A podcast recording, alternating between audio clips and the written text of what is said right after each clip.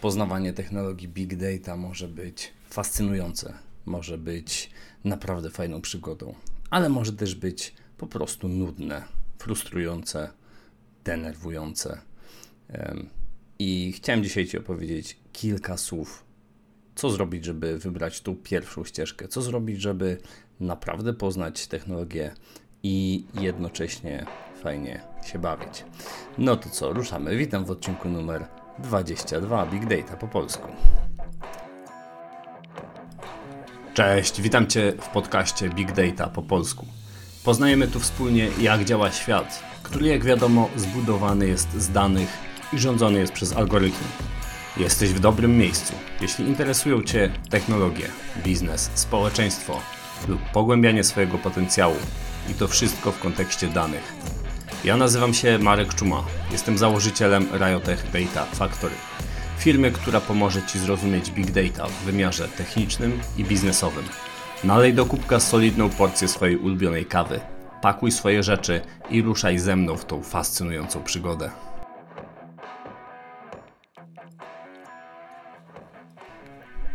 Zacznijmy od e, małej historii, która mam nadzieję lepiej pozwoli nam zrozumieć o co chodzi i jak nie poznawać technologii.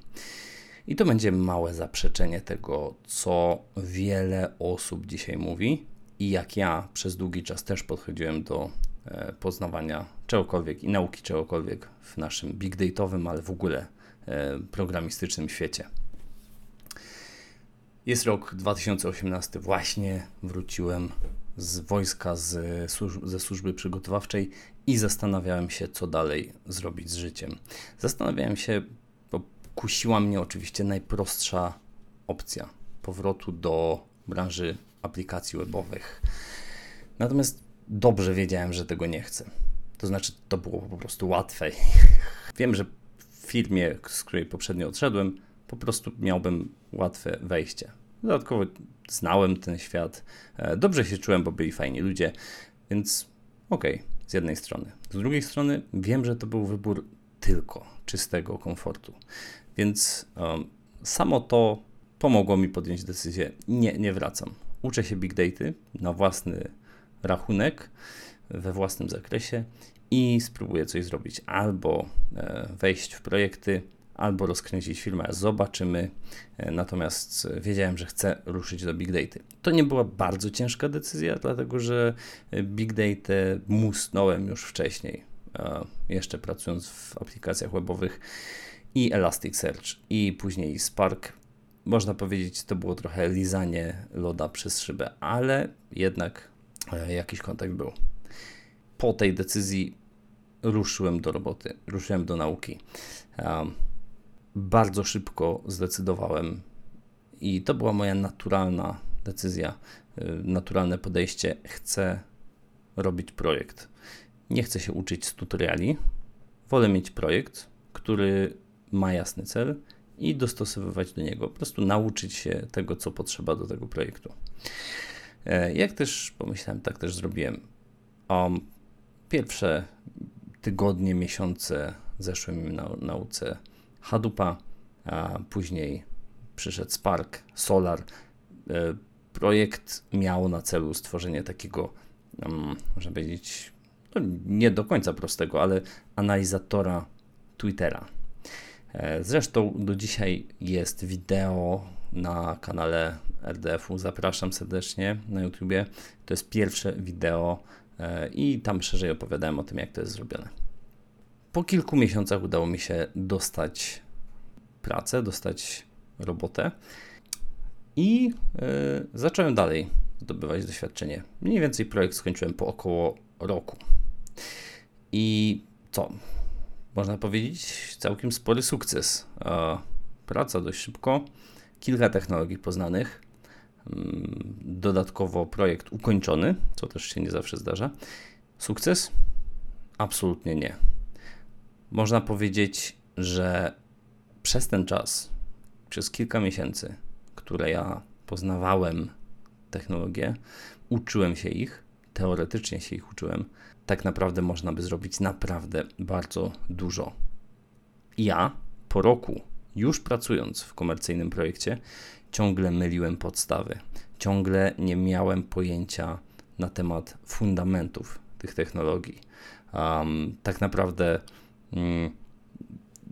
popełniałem błędy, które można by wyeliminować w ciągu kilkudniowego szkolenia, co zresztą robię teraz. Teraz dokładnie to, czy na szkoleniach e, takich grupowych, czy to na, podczas kursów online. Przede wszystkim staram się wyeliminować najpoważniejsze problemy, najpoważniejsze błędy, które można popełnić. I mogłem, mogłem uniknąć tych błędów, ale nie uniknąłem. Dlaczego? No właśnie, problemem było to, że wszedłem w projekt i e, że chciałem się uczyć stricte praktycznie. Już ze szkoły miałem wyrobiony pogląd, że nie lubię teorii, jak zresztą prawie każdy. E, sam zresztą teraz się zapytaj, czy powiedziałeś kiedykolwiek nauczycielowi czy nauczycielce takie zdanie, ja nie umiem teorii, ale umiem to powiedzieć po swojemu. No więc y, ja też nigdy nie lubiłem teorii, y, aż do momentu, w którym zacząłem poważnie zastanawiać się nad tym, jak ja chcę się nauczyć konkretnej technologii, czy w ogóle czegokolwiek. Jaki jest wniosek z tego? Czy żeby nie robić projektów z mojej historii, czy żeby nie podchodzić do tych projektów, czy e, żeby wrócić i klepać teorię, no tak jak to znamy ze szkół? Otóż nie. E, ani jedno, ani drugie. Dlatego, że nauka technologii, nauka e, takich złożonych rzeczy to naprawdę kompleksowa sprawa. I oczywiście najważniejsze jest to, żeby umieć w tej technologii zrobić coś konkretnego, i to jest punkt wyjścia, który powinniśmy mieć. Nie uczymy się technologii po to, żeby móc zaimponować komuś na grillu, że e, wiemy, jak działa job parkowy. E, uczymy się po to, żeby zbudować konkretną aplikację, zbudować konkretny system. Ale jednocześnie, jeżeli nie będziemy mieli pewnych fundamentów teoretycznych, to zbudowanie tego samego systemu A zajmie nam dużo więcej czasu, B zrobimy to na tyle źle, że może nam e, no w skrajnej wersji możemy nawet nie ukończyć takiego systemu. No bo chociażby e, nie będziemy wiedzieli, jak porządkować nasz kod w taki sposób, jak układać nasz cały, naszą całą aplikację sparkową, chociażby tutaj sparkową, żeby nie wysadziło nam klastra, żeby nie okazało się, że zasoby klastra są zbyt małe, bo my zrobiliśmy coś tak niewydajnie, że po prostu w pewnym momencie całość się zawiesza, wywala, a my nie mamy co robić dalej, bo nie wiemy, gdzie jest problem. Żeby wiedzieć, gdzie jest problem, trzeba znać teorię, trzeba znać mechanizm, który stoi za tą technologią. Ale z drugiej strony, sama znajomość e, mechanizmu to, mm, to trochę niewiele. To znaczy, mogę powiedzieć, jak w teorii wiele rzeczy działa, ale później, jeżeli nie umiem tego przekuć na kod, to na nic mi się to nie przyda. W związku z tym wypraktykowałem taką siedmiopunktową listę i chciałem się dzisiaj nią z Tobą podzielić. Ale skoro już dotarłeś do tego punktu, albo dotarłaś, to zachęcam, jeżeli korzystasz ze Spotify'a, wróć do ekranu głównego y, podcastu Big Data po polsku i proszę oceń ten podcast. Wiem, że ogląda go dużo więcej osób niż ocenia, dlatego bardzo, bardzo Cię proszę, oceń. To ważne dla mnie, jako dla twórcy. Jeżeli oglądasz na YouTubie, daj subskrypcję, daj łapkę w górę, to też jest dla mnie ważne i przede wszystkim ważne dla algorytmu YouTube'a, który pozwoli tego typu treści ponieść dalej i dać po prostu możliwość ludziom, którzy chcą się tego nauczyć e, i chcą poznać te treści, a nie mają skąd. Także z góry dzięki, robisz dobrą robotę. Tak niewiele czasem znaczy tak wiele. Wróćmy do mojej listy, mojej metody. Ta metoda e, nie jest ani teoretyczna, ani praktyczna. A może lepiej by powiedzieć, jest i teoretyczna, i praktyczna, dlatego że obie części, obie, oba podejścia nie są wcale innym podejściem. Oba podejścia nie są wcale jakimiś rozdzielnymi e, punktami widzenia. To jest po prostu ta sama część, znaczy są dwie, dwa elementy tej samej całości. I to są dwa elementy, bez których ta całość po prostu nie jest całością i nie istnieje. Podejście teoretyczne nie stoi w kontrze do praktycznego. Podejście teoretyczne jest konieczne, tak jak podejście praktyczne też jest konieczne. Ja wedle określonych reguł buduję szkolenia, wedle określonych reguł buduję kursy i wedle określonych reguł sam staram też uczyć siebie tych, tych, tych samych technologii albo nowych technologii, e, bo czasami po prostu sobie odświeżam e, i bardzo, bardzo chętnie pokażę Ci, jak to robić. Od razu małe zastrzeżenie, oczywiście ta lista niekoniecznie musi być idealna, pełna. E, jeżeli już ją Ci dam, zrób sobie notatki, pomyśl, który punkt możesz skrócić, który punkt możesz wywalić, a może któryś punkt chcesz dodać. Po prostu sobie to zmodyfikuj, ale niech to będzie Twoim punktem wyjściowym. I jeszcze jedna rzecz.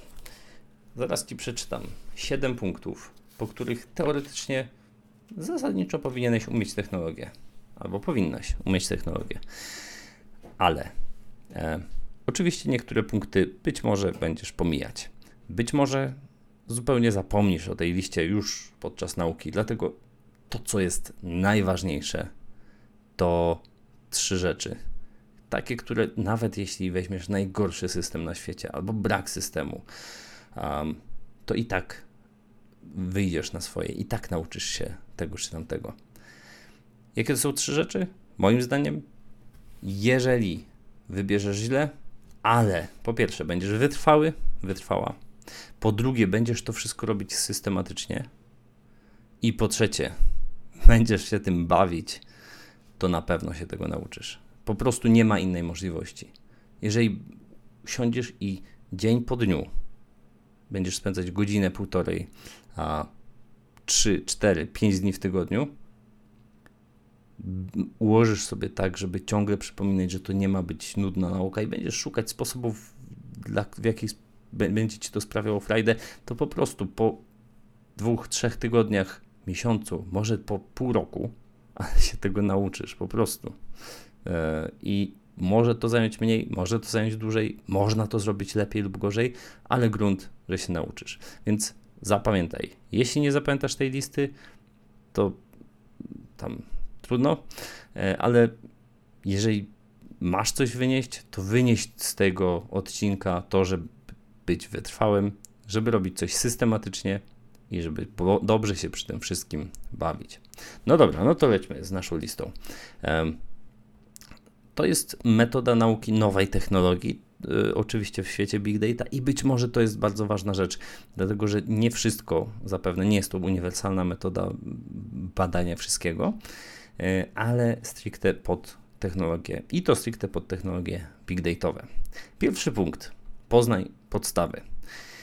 Co mam na myśli? E, dowiedz się w ogóle, co to jest za technologia. Dowiedz się, co ona robi, e, czyli czym jest i czym nie jest.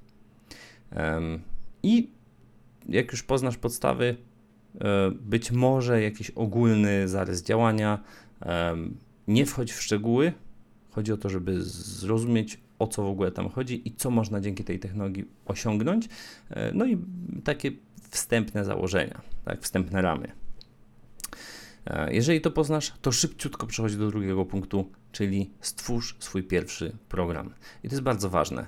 E, oczywiście musisz wiedzieć, jak to działa, dlatego ten pierwszy punkt, natomiast nasz mózg bardzo szybko może się znudzić, dlatego jak najszybciej stwórz coś, co działa. Nie twórz niczego praktycznego. I to wiem, że to jest coś, co stoi trochę w opozycji do całej reszty. Nie twórz niczego praktycznego, nie ma to najmniejszego sensu na tym etapie. Później tak, teraz nie, teraz jest Ci potrzebny przyczółek, od którego wyjdziesz dalej. Teraz jest Ci potrzebny program, który wiesz, że działa. Dlatego poznaj podstawy, a potem jak najszybciej rusz do swojego pierwszego programu, który być może zajmie 10 linii kodu, być może będziesz musiał postawić jakąś maszynę wirtualną, ale to wszystko. E, stwórz swój pierwszy program i leć, jak już stworzysz pierwszy program, do trzeciego punktu, czyli uwaga, do systematycznego zdobywania wiedzy. Bo w tym momencie jak masz już wylany taki po bardzo podstawowy fundament w postaci jakichś tam, e, no właśnie podstaw tego, co to jest, czym nie jest ta technologia e, i masz już punkt wyjścia praktyczny, to znaczy, że masz już pewien obraz w głowie tego, no, jak to działa i przede wszystkim nie ma takiego przytłoczenia, że nie wiadomo z którego punktu ruszyć. E, więc teraz spokojnie można wylewać kolejne warstwy wiedzy. Najlepiej wy wylewać te warstwy wiedzy do swojej bazy wiedzy, o czym będę za chwilę jeszcze mówił. Natomiast gdziekolwiek byś nie wylewał, nie wylewała, to rób to po prostu systematycznie. Dzień po dniu spisuj sobie kolejne obszary, y, rozpisz sobie najpierw jakąś y, taką roadmapę i kolejne obszary po prostu spisuj, e, poznając przez dokumentację, przez tutoriale, e, opowiadając być może komuś znajomemu, swojemu bliskiemu, albo nawet tej, niech już będzie gumowej kaczuszce. Kiedy masz wiedzę teoretyczną, taką już usystematyzowaną, znacznie głębszą, bo niech to będzie, mm, niech to będzie architektura też, żeby poznać e, jakieś większe zagwozdki, to punkt czwarty jest z tym ściśle powiązany. Przeplataj wiedzę ćwiczeniami. Widzisz, e, że coś już ma jakoś działać? No to zrób po prostu ćwiczenie. Może być tutorial, może być jakiś kurs, grunt, żeby systematycznie przerabiać kolejne paczki ćwiczeń. One nie powinny być duże, dlatego że one mają potwierdzać konkretny aspekt pracy i gruntować wiedzę, która była wcześniej. Czwarty punkt. Przeplataj wiedzę ćwiczeniami. Tą wiedzę, o której wcześniej się dowiedziałeś. Punkt piąty. I tu się zaczyna najfajniejsza zabawa. Testuj, ćwicz i baw się. Oczywiście to wszystko może być też w punkcie czwartym, ale raczej w punkcie czwartym chodzi mi o to, że na przykład czytasz y, na temat konkretnego zagadnienia e, i czytasz o tym, nie wiem, załóżmy, e, niech to będzie e, jakiś data QNES w Sparku, czyli dane są tam nierówno rozłożone, nie tak jak powinny. Ok, czytam jeden artykuł, drugi, trzeci, jakiś tutorial, spisuję sobie to, jak to powinno wyglądać, jak to wygląda według mnie i widzę już tutoriale z jakimiś ćwiczeniami, więc od razu ten ćwiczenie, to ćwiczenie sobie przerabiam. Dzięki temu wiedza teoretyczna zostaje od razu przerzucona e, w praktykę i bardzo często też różne nasze problemy czy niedopowiedzenia się wyjaśniają, ale też równie często rozmaite e, pytania się pojawiają. I to jest bardzo dobry moment, bo może mamy punkt wyjścia dalej, znowu zdobywamy wiedzę, e, znowu sobie uzupełniamy ćwiczeniami i tak dalej. I w pewnym momencie przychodzi taki e, punkt, kiedy już mamy naprawdę sporo wiedzy i mamy ją podlaną bardzo sensownym sosem e, teorii, takiej wiedzy, powiedzmy, mięsistej, architektonicznej, z dokumentacji, z tutoriali. I teraz przychodzi moment na to, żeby testować, ćwiczyć i bawić się. To znaczy, wyobraź sobie, że jesteś dzieckiem, dostajesz zabawkę. I co z nią robisz? Odpowiedź jest jedna: wszystko. Zrobisz pewnie na początku jakąś prostą rzecz, ale później spróbujesz y, bardziej zaawansowany sposób, a potem wymyślisz coś naprawdę dziwnego, co zadziwi każdego dorosłego.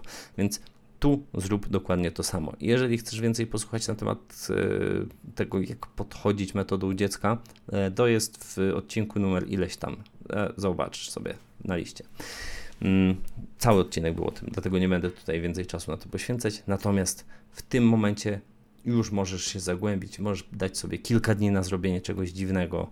No po prostu pobaw się tą technologią, bo masz już odpowiednią wiedzę i ta wiedza wystarczy, żeby zrobić naprawdę ciekawe rzeczy. Jak już się pobawisz takimi pomniejszymi rzeczami, polecam usiąść. I tu jest szósty punkt do projektu. Zauważ, szósty punkt, projekt. Jeżeli zaczęlibyśmy od początku, to co by z tego wyszło? No właśnie dokładnie to, co w mojej historii, czyli zdobyłbym wiedzę bardzo powierzchowną i zdobyłbym wiedzę praktyczną, która doprowadziłaby mnie być może do tego punktu, ale w sposób tak niewydajny, że prawdopodobnie w wielu innych projektach ta moja wiedza byłaby bezużyteczna. Natomiast w tym momencie mamy już i podstawową wiedzę praktyczną i naprawdę sensowną wiedzę teoretyczną. I już więcej teorii nie musimy e, zdobywać. Teraz czas, żeby na, na, nabić sobie taką e, solidną wiedzę praktyczną czy solidne doświadczenie na projekcie. Projekt, czyli coś w moim mniemaniu, coś, co ma być praktycznego, większego, coś, co ma rozwiązać konkretny problem i też coś, co później fajnie nam pomoże w zdobyciu pracy, bo możemy to umieścić na GitHubie i mieć jakiś punkt do swojego portfolio, ale niech to będzie naprawdę coś, co robi e, jakąś sensowną robotę. E, I podejść do projektu metodycznie, zaplanuj go sobie, e, ułóż czasowo, jak będziesz go realizować. Zastanów się, jakich zasobów potrzebujesz do tego, żeby zrealizować, skąd możesz wziąć dane, w jaki sposób możesz to przerobić, przetworzyć te dane, jak możesz zwizualizować efekty swojej pracy, a może możesz gdzieś stworzyć stronę, na której efekty pokażesz. To wszystko to może być fajny efekt projektu i projekt jest tym, co naprawdę wynosi na inny poziom. I ja jestem fanem projektów i projektowego podejścia, ale z tym zastrzeżeniem, że mamy te kilka punktów e, wstępnych. I dobrze, skończysz projekt, to co? Jesteś już nauczony albo nauczona? No tak, jesteś. E, naprawdę znasz już technologię lepiej niż wiele osób, które pracują nawet po parę lat komercyjnie, muszę powiedzieć. Ale prawda jest taka, że został ci jeszcze jeden punkt. Co to za punkt? Nazwałem go dobre praktyki i zagwostki. To znaczy, że w tym momencie już na tyle dobrze umiesz technologię, że nie musisz uczyć się podstaw, ale fajnie, jeżeli zaczniesz rozpisywać sobie rozmaite zagwostki, problemy, dlaczego ta technologia jest lepsza od innych, ale też dlaczego jest gorsza, jakie są jej słabe punkty. E, jak to zrobić? Ja polecam wpisać w wyszukiwarce internetowej, na przykład Google, wpisz sobie nazwę technologii, a później spacja interview albo pytania rekrutacyjne. Chodzi o to, żeby poznać, e, w internecie na pewno są pytania na temat każdej technologii, e, więc chodzi o to, żeby poznać, czego mogą pytać rekruterzy. Bo rekruterzy zazwyczaj e, idą od ogółu do szczegółu, ale ten szczegół potrafi być naprawdę zagwozdką i czasami potrafi być naprawdę podstępny. Więc jeśli poznasz pytania rekrutacyjne, ale w tym momencie już nie będziesz uczyć się ich na pamięć. Nie będziesz wykuwać sobie tak, żeby świetnie wypaść na rozmowie rekrutacyjnej, tylko to uzupełni Twoją wiedzę podstawową, którą już masz, i teoretyczną, i praktyczną, o taką konkretną, to, jako konkretne eksperckie zagwozdki. E, a przy okazji przygotujecie też do rozmowy rekrutacyjnej. Swoją drogą, E, w kursie Fundament Apache Spark i teraz Fundament Apache Solar też to będzie, e, zawarłem ostatni moduł, który, którym jest właśnie rozmowa rekrutacyjna, czyli symuluję taką rozmowę rekrutacyjną, o co ja pytam podczas rozmowy rekrutacyjnej w danej technologii. No dobra, no to jeszcze raz przelećmy te punkty. Pierwszy, poznaj podstawy. Nic wielkiego, po prostu dowiedz się, o czym jest ta technologia. Dwa, stwórz swój pierwszy program. On ma po prostu ci coś wyświetlić. Najprostsza rzecz, kilka linijek, ale wiedz, daj sobie taką świadomość, że zrobiłeś coś, co działa. Punkt trzeci, wróć do systematycznego zdobywania wiedzy.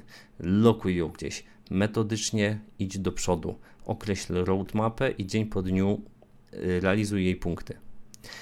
Punkt czwarty, przeplataj tą wiedzę ćwiczeniami. Może być z tutoriali, może być z kursów, możesz sam wymyślać. Niech to będą proste ćwiczenia, które potwierdzają konkretną wiedzę teoretyczną. Jak już to wszystko wiesz, to testuj się, testuj, ćwicz, baw się do woli. Staraj się zepsuć tą technologię, sprawdź, gdzie są jej słabe punkty i wejdź tam po prostu. Jak już to wszystko masz i znudzą cię ćwiczenia i znudzi cię testowanie, to wchodź w projekt i to jest naprawdę jazda. Wchodź w projekt, zrób coś praktycznego, a potem pochwal się tym na arenie. No, możesz mi napisać, e, ja chętnie też rzucę na to okiem, może e, opowiem o tym w podcaście czy pod, na YouTube. I jak już projekt zostanie ukończony, czego bardzo Ci życzę, to siódmy punkt to dobre praktyki i zagwozdki. możesz zrealizować to w formie przygotowania do rozmowy rekrutacyjnej i to jest punkt, po którym jesteś już naprawdę fajnym, dobrze przygotowanym z danej technologii ekspertem. Takie jest moje zdanie przynajmniej. I to jest moja metoda w siedmiu krokach. E, zamieszczam ją oczywiście w notatkach. E, jak zwiększyć swoje szanse podczas nauki? Przede wszystkim, kiedy ilekroć siadasz, to zapewnij sobie odpowiednie środowisko. Zapewnij sobie odpowiednie środowisko, to znaczy zredukuj ilość rozpraszaczy i to jest najważniejsza rzecz moim zdaniem, ale też dostosuj środowisko tak, żeby było dla ciebie dobre. Jeżeli lubisz porządek, to zrób porządek. Jeżeli lubisz chaos, to niech będzie tak, jak jest. E, pracuj blokami. Ja jestem ogromnym zwolennikiem bloków. Jeżeli udaje mi się je wdrożyć do codziennej pracy, to naprawdę świetnie działają, więc bl blokuj sobie bloki, bukuj sobie bloki, może tak lepiej powiedzmy, kalendarzu, dogadaj się z rodziną, kiedy się uczysz i wygospodaruj sobie tą konkretną godzinę, tą konkretne półtorej godziny. Może być wieczorem, może być rano, ale żebyś wiedział albo wiedziała, że teraz jest czas na robotę, teraz jest czas na naukę. Um, a kiedy nauka najlepiej wchodzi do głowy i kiedy układa się w głowie, jak śpisz. Dlatego wysypiaj się porządnie. Ja może nie jestem największym autorytetem w tej dziedzinie, ale przynajmniej wiem, gdzie jest moja słaba strona i też staram się wysypiać. Dlatego ty też się wysypiaj, bo wtedy wiedza się układa. Um, już nie mówiąc o tym, że koncentracja jest lepsza, więc sama nauka czy sama praca będzie iść ci lepiej i będziesz z niej bardziej zadowolony. Rób bazę wiedzy. Kolejny mój tip, kolejna wskazówka. Nie bazuj na tym, że przeczytasz i masz to w głowie, spisz esencję z dzisiejszej nauki w swojej bazie wiedzy. To może być pięć zdań, to mogą być trzy zdania, ale niech one wskażą, o czym jest dany mechanizm. Trzy zdania? Super. To znaczy, że w Twojej głowie to już zostanie po raz kolejny przetworzone kiedy wrócisz do tych zdań, będzie Ci łatwiej sobie to przypomnieć. E, buduj bazę wiedzy. To jest naprawdę fajne. Ja to też stosuję. I miej roadmapę monitoruj postępy. Spisz, określ sobie, w jaki sposób chcesz iść, miej taki plan, który możesz odhaczać. No i właśnie, jak masz plan, to możesz monitorować, jak szybko się poruszasz na tej roadmapie. Jeżeli nie masz roadmapy, to nie masz pojęcia, jak szybko się poruszasz. Może ci się wydawać, że jesteś wymęczony, przemęczony i w związku z tym masz po, tak poczucie, że ok, to dużo robisz, a tak naprawdę na roadmapie ciągle kręcisz się gdzieś wokół początku. Może być też tak, że mądrze poukładałeś sobie wszystko i e, jesteś notorycznie wypoczęty. Wydaje ci się w związku z tym, że nigdzie nie idziesz, nie ma postępów. Ale jeżeli będziesz mieć tą swoją mapę drogową, to te postępy zauważysz. Grunt, żeby wiedzieć, w którym punkcie planu jesteśmy.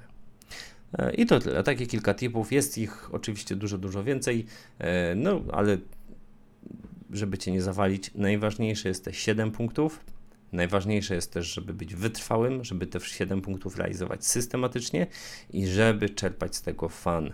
Rób to, co ci sprawia frajdę.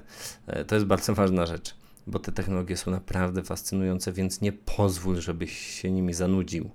Nie pozwól e, wklepać sobie takiego e, trybu szkoły, tak, że musisz teraz no, przelecieć. I ja wiem, co mówię, bo ja walczę z tym też na co dzień. Ja staram się na co dzień przypominać sobie, jak wielki mam przywilej, że mam dostęp do komputera, dostęp do internetu, e, dostęp do bardzo zaawansowanych technologii. Pomyśl sobie, ile osób nie ma tego przywileju, a potem po prostu zacznij z tego korzystać, zrób z tym coś fajnego, ciekawego i dobrego. I tego wszystkiego Ci życzę. E, przypominam jeszcze o subskrypcji, o ocenie, czy tam e, lajku, ale też, jeżeli oglądasz to na YouTubie, to daj znać w komentarzu, czy Ty masz jakiś system i czy masz zamiar wykorzystać ten system. Jestem bardzo ciekawy. E, jeżeli mogę Ci pomóc, daj znać. Bardzo chętnie przyjrzę się Twojemu problemowi, bardzo chętnie stanę razem z Tobą do walki. A teraz to wszystko do zobaczenia za dwa tygodnie. Trzymaj się, powodzenia. Cześć.